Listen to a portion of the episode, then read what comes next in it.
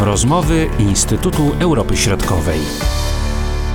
Marcin Superczyński, witam Państwa. W naszym cyklu podróżniczym zachęcamy tym razem do poznawania Litwy, Łotwy i Estonii. Pomimo tego, że są to państwa nieduże, to jednak są bardzo zróżnicowane i oferują szereg atrakcji. Miłośnicy historii odnajdą ujmujące zabytki związane na przykład z historią Rzeczpospolitej. Można odwiedzić urocze wiejskie zakątki, ciche nadmorskie miejscowości, ale też pełne turystów kurorty. O atrakcjach naszych sąsiadów opowiada dr Aleksandra Kuczyńska-Zonik, kierownik zespołu bałtyckiego Instytutu Europy Środkowej warto y, wybrać się przynajmniej na kilka dni do państw bałtyckich i y, mogłabym zaproponować wyjazd dla turystów taki bardziej konwencjonalny, który trasy są proponowane w podręcznikach, y, ale również dla tych turystów, którzy wolą no właśnie takie bardziej oryginalne miejsca. Jeśli chodzi o tych pierwszych turystów, którzy lubią historyczne, kulturowe mm, miejsca, to oczywiście taki takimi e, miejscami must see to są e, stolice. E, jeżeli mamy choć kilka dni, możemy zatrzymać się chociażby na, na kilka godzin w każdym z tych miast, znaczy w Wilnie, w Rydze i w Talinie, po to, żeby porównać te miasta, ich budowę, architekturę, ponieważ ona odbija właśnie to złożone dziedzictwo kulturowe, historyczne tych państw. Oczywiście dla turystów z Polski e, największe znaczenie e, będzie miało Wilno i te zabytki architektury, które są e, związane z polskością. Warto zobaczyć Ostrą Bramę, cmentarz na Rosie czy kościół świętego Piotra i Pawła. Taką ciekawostką jest to, że odnajdziemy również w Wilnie architekturę z, mm, w stylu renesansu lubelskiego, taki właśnie wątek, e, wątek lubelski. Natomiast wielu turystów, którzy zatrzymują się w Wilnie, e, stwierdza, że właśnie ta architektura wileńska jest e, podobna do, do, do polskiej, tak? Natomiast rzeczywiście dużo bardziej różnorodna, przynajmniej inne niż w Polsce, są zabytki w Rydze czy w Talinie, gdzie rzeczywiście te wpływy skandynawskie czy niemieckie mm, są już dużo, dużo silniejsze. Ta wielokulturowość i wielonarodowość, która się odcisnęła na przykład na Wilnie, może być bardzo pięknie ujęta. Sam miałem kiedyś taką sytuację ciekawą, że e, wyszedłem z cerkwi unickiej z nabożeństwa. Zaraz po prawej stronie była Ostra Brama, gdzie trwało nabożeństwo rzymskokatolickie, a parę metrów dalej wszedłem do cerkwi prawosławnej, gdzie trwało nabożeństwo właśnie prawosławne i praktycznie w ciągu kilku minut brałem udział w trzech różnych nabożeństwach, w trzech różnych językach. Czyli to świadczy o takiej wyjątkowości tego miejsca, że naprawdę można, jeśli się chce, wiele dostrzec i w wielu różnych pięknych, y, na przykład nabożeństwa, wziąć udział, nie podróżując specjalnie daleko. Ta wielokulturowość, tak jak, tak jak tutaj zauważyłeś, jest widoczna nie tylko w zabytkach sakralnych, ale, ale również e, państwa bałtyckie, szczególnie Litwa, e, jest doceniana ze względu e, na architekturę na przykład ludową. Jest bardzo dużo skansenów, takich miejsc, które noszą takie ślady tej, tej odległej historii, pogaństwa, mitologii, e, no właśnie takiej ludowości, krzyże, kapliczki e, są naprawdę urocze. Warto w ogóle też odwiedzić te miejsca pod, e, podwileńskie, które łączą się z bardzo bogatą historią tego państwa, na przykład zamki średniowieczne w Miednikach, no oczywiście Troki to, to też e, miasto, e, miasteczko, które powinno być odwiedzone dla tych, którzy również e, interesują się bardziej odległymi czasami, to oczywiście gród w Kiernowie, czyli takie grodzisko wczesnośredniowieczne, które porównywane jest do Troi.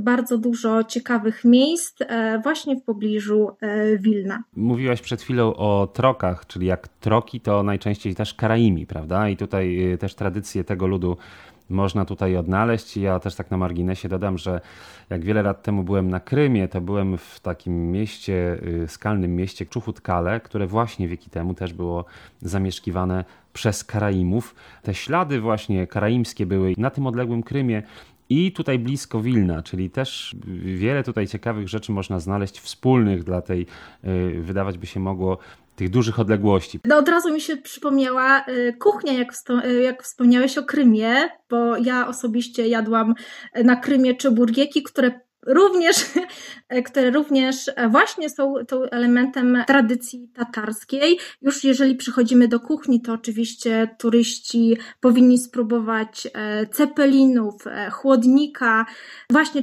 czeburieków czy, czy kibinów, no i oczywiście pyszne ciemne pieczywo nie tylko na Litwie, ale również e, na Łotwie i, i w Estonii, także kuchnia jest naprawdę wyjątkowa. Te miejsca nadmorskie, może tutaj, bo tak podróżujemy powiedzmy od tej wschodniej Litwy i lecimy w stronę zachodnią nad morze, prawda? Czyli no możemy się oczywiście zatrzymać w Kownie, ale jak jedziemy już tą autostradą i się tak dobrze rozpędzimy, to w 3 godziny albo nawet szybciej jesteśmy w Kłajpedzie, też niezwykle ciekawym mie mieście, no, ale potem możemy się dostać właśnie na Mierzeję Kurońską, e, to można powiedzieć taka nasza Mierzeja Wiślana albo e, trochę także Mierzeja Helska, prawda? Taki podobny troszeczkę klimat.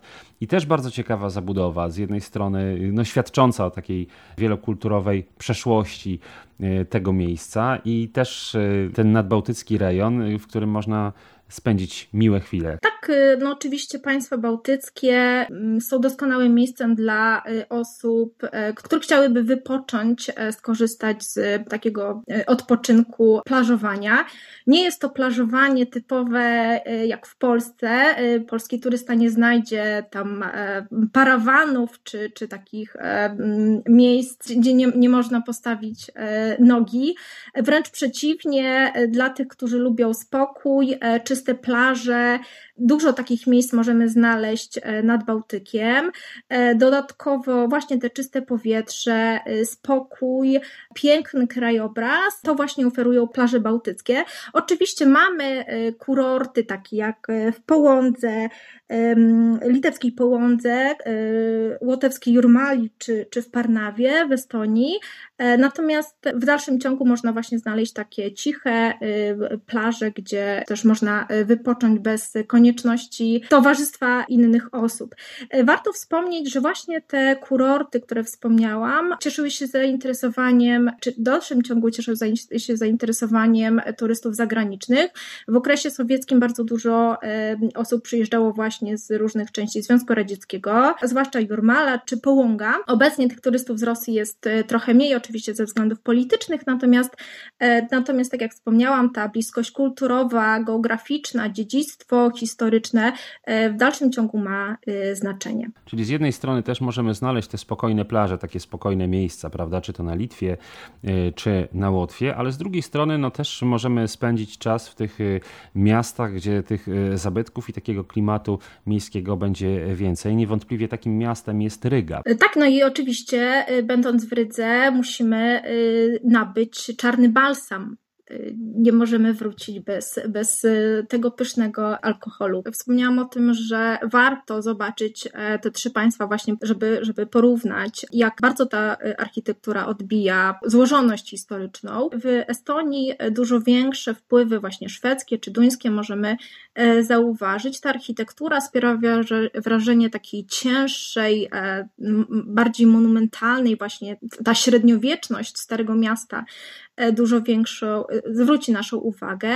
W mniejszym stopniu będzie to e, w przypadku Rygi, a powiedzmy e, na Litwie to, to dziedzictwo polskie, wpływy polskie Rzeczpospolitej Boga Narodów będzie miała znaczenie. E, jeśli spojrzymy na krajobraz, przyrodę, to niewątpliwie będzie mnóstwo lasów, wijące się meandry rzek, jeziora, podobne formy przyrodnicze. Warto tutaj wspomnieć o Łotwie, znajduje się największy park e, krajobrazowy mm, w państwach bałtyckich, więc dla tych turystów, którzy lubią szlaki piesze czy rowerowe, warto wybrać je właśnie e, po to, żeby odetchnąć od tego zgiełku e, miejskiego, żeby docenić ten krajobraz przyrodniczy, spokój, ale jednocześnie, żeby zboczyć i, i zobaczyć ruiny zamków, dawne szlaki handlowe, kościoły, właśnie te zabytki sakralne, czy, czy mm, ruiny dworów, e, czy zamków. E, tak więc obszar ten jest bardzo, bardzo urozmaicony. Myślę, że każdy znajdzie coś dla siebie. Warto wybrać tak indywidualnie i szukać na miejscu na przykład jakiegoś noclegu, czy lepiej wcześniej to zaplanować? Jak tutaj byś radziła? Bardzo dużo noclegów można znaleźć wcześniej. Dużo firm oferuje również wycieczki takie zorganizowane. Natomiast ja mimo wszystko zachęcam do tego, żeby indywidualnie, subiektywnie wymyślać swoje szlaki. E, myślę, że nie będzie e, problemu, e, jeżeli na miejscu będziemy szukać zarówno w mieście, jak w miastach, w dużych miastach, jak i poza takim obszarem bardziej turystycznym, ponieważ takie szlaki, które, czy takie wędrówki, które są poza przewodnikowe, mogą przynieść nam dużo większe, ciekawsze i, i bardziej takie urozmaicone e, przeżycia. Znajdziemy niewątpliwie fantastyczną historię i miejsca związane z historią, prawda, między innymi polską, rekreację nadmorską i spokój w lasach, prawda, na e, szlakach pieszych czy rowerowych i na dodatek jeszcze fantastyczną kuchnię. Bardziej wymagający turyści czy osoby, które lubią takie niekonwencjonalne E, wycieczki e, mogą również znaleźć ciekawe miejsca w państwach e, bałtyckich. W literaturze nosi to nazwę Red Tourism, odkrywanie, eksplorowanie miejsc dawnych zabudowań, czy baz wojskowych, czy budynków związanych z dziedzictwem sowieckim. Zwłaszcza to cieszy się zainteresowaniem tych turystów zachodnich. W państwach bałtyckich być może spotyka się z pewnym sceptycyzmem, ponieważ dotyka bardzo wrażliwych kwestii. Natomiast w, właśnie w tych państwach znajdują się takie były bazy wojskowe, e, które również są właśnie eksplorowane. My w Polsce mamy swoje, swój przykład, to znaczy Borne Sulinowo, na Łotwie podobne miejsce nosi nazwę Skrunda, E, i też e, coraz więcej turystów jest zainteresowanych. Ciekawą formą turystyki e, jest turystyka offroadowa, która rozwija się również w, tamtym kierunku, w tamtych kierunkach, to znaczy zjeżdżanie z tych dróg utwardzonych, szlaków powszechnych właśnie na takie boczne, szutrowe drogi, jazda właśnie wzdłuż wijących się rzek czy, czy wzdłuż plaż. E, nie mówię tutaj o jakichś e, łamaniu zasad czy, czy jakichś nielegalnych przejazdach, natomiast e, myślę, że dużo też osób byłoby zainteresowanych właśnie taką niekonwencjonalną, oryginalną jazdą czy poszukiwaniem po prostu nowych tras, które oferują, nowych atrakcyjnych przyrodniczo miejsc, ponieważ państwa bałtyckie w dalszym ciągu właśnie oferują takie nieznane, niezbadane czy niewyeksplorowane miejsca. Mówiła dr Aleksandra Kuczyńska-Zonik. Marcin Superczyński, do usłyszenia. Były to rozmowy Instytutu Europy Środkowej.